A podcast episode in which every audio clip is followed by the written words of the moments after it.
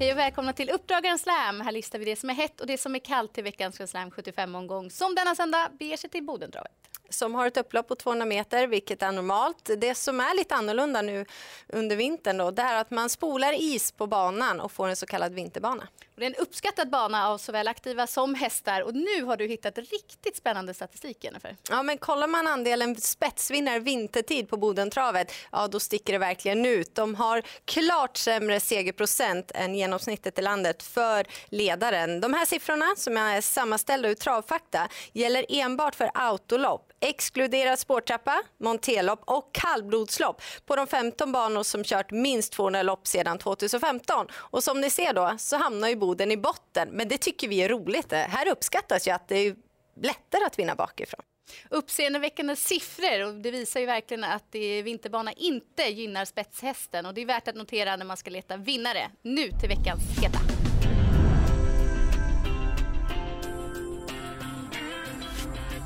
Vi börjar i den första avdelningen med nummer sju Selmerio som verkligen har toppform. Annat går inte att säga när man har fem segrar på de senaste sex starterna. Han har tjänat klart mest pengar i loppet. Han är van att såväl möta som att slå många av de övriga konkurrenterna. Dessutom trivs han ju riktigt bra på vinterbana. Fyra segrar har det blivit på fem försök. Lägg även till att han trivs riktigt bra på Bodentravet. Tio segrar på 18 starter.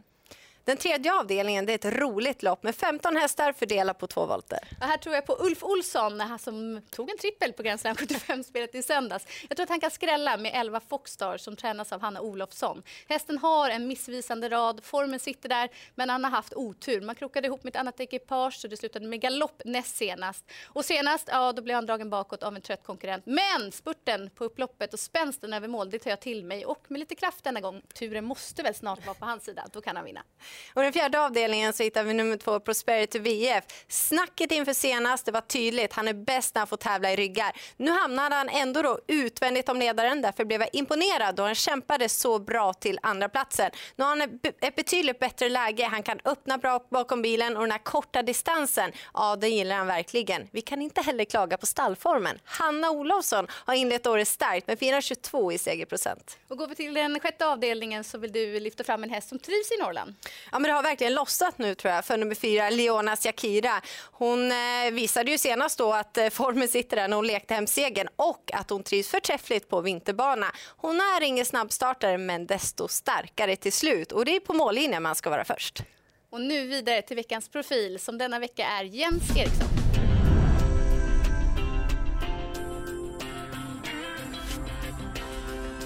Välkommen till programmet säger vi till Jens Eriksson som inlett året starkt. Tre segrar har det blivit på nio starter. Det måste kännas skönt. Ja, det är helt otroligt vad det har gått bra från början av det här året. Härligt, då känns det bra inför söndagen som vi tänkte gå igenom dina hästar. Om vi börjar i den tredje avdelningen, nummer åtta, Serious Sam, som har varit väldigt positiv i de två senaste starterna. Han har gjort rejäla insatser. Senast fick han gå en rejäl slutrökare sista 700 i ett lopp som hade gått alldeles för sakta för hans del. Och han, han eh, är mer entaktad av sig, så det, eh, blir, det, blir det mer körning där framme, det gynnar hans.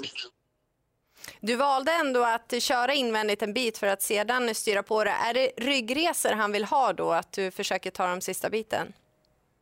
Ja, han, han, jag ångrar lite grann i efterhand att jag inte klev ut i döden så 1400 kvar. Men Eh, det var 2,6 den gången och, och, han har inte fått så många lottisloppen efter lite frånvaro. Så det, vi, vi, vi körde lite snällt den gången. Så den här gången kanske det blir lite mer offensivt? Ja, vi får väl se. Nej, men vi, vi får se hur fort de kör där framme. Eh, går det, går det lika långsamt som i Umeå, då måste vi kliva fram. Han känns bra med andra ord efter senaste starten. Går vi vidare till eh, avdelning 5 så är det kallblod. Du har två stycken ut. Själv kör nummer 4 Fyrkrafts. Vi börjar med honom där. Hur osäker är han? Han är ju väldigt fartfylld men det är ju en del galopper ser vi. Han är osäker när han eh, får vara här på vinterbanorna och ha brodd i fötterna.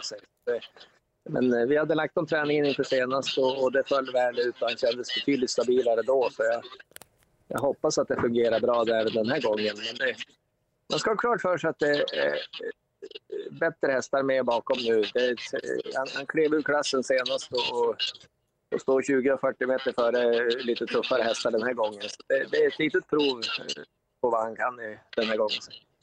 Men om du skulle kunna köra dig till ledningen, tror du att du har ändå en eh, bra segerchans därifrån?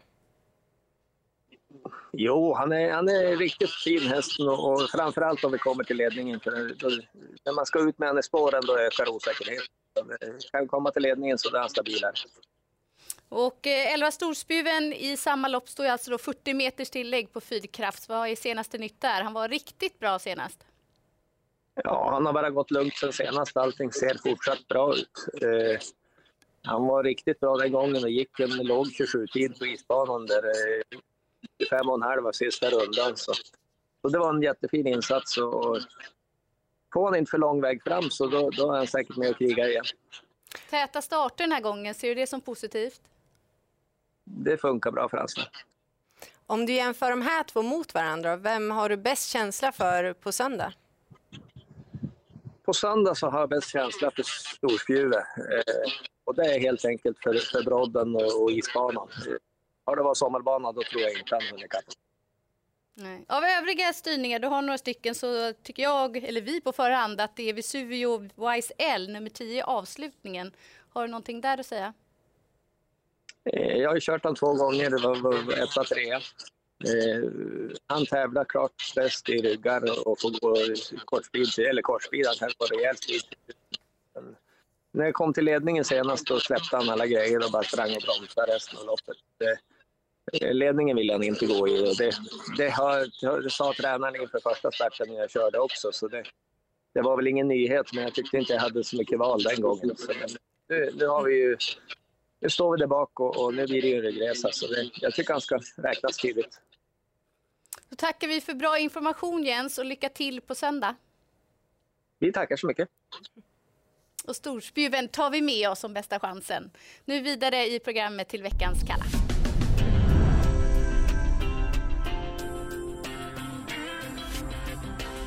I den andra avdelningen så kom ju nummer fem eh, Beast från ett stall i form men han ställer till det för sig med jämna mellanrum. Som senast då han tog till galopp i sista sväng och det var inte första gången. Han har galopperat eh, sex gånger på 13 starter. Dessutom så har han spår utvändigt av värsta konkurrenten och det kan ställa till det. Och går vi till den fjärde avdelningen så har nummer fyra Iron Danger väldigt fin kapacitet för loppet. Men han avslutade året med flera galoppmisslyckanden. Nu återkommer han efter tre månaders frånvaro. Svårbedömt att veta hur formen är och jag vågar inte lita fullt ut på att han fungerar. Då rundar vi av programmet genom att lyfta fram varsin måstehäst. Ja, men det blir sjätte avdelningen nummer fyra, Leonas Shakira, som jag har följt en längre tid och nu har det verkligen lossnat. Eh, bara hon sköter sig, då tror jag att hon har bra segerchans. Och jag tycker att den roligaste skrällen är i avdelning tre, nummer 11 Foxstar. Och Jens Eriksson var väldigt klar och tydlig med att 11 storspjuver i den femte avdelningen är hans bästa chans. Så det var bra information vi fick. Det var det verkligen. Stort lycka till om ni tar chansen på söndag.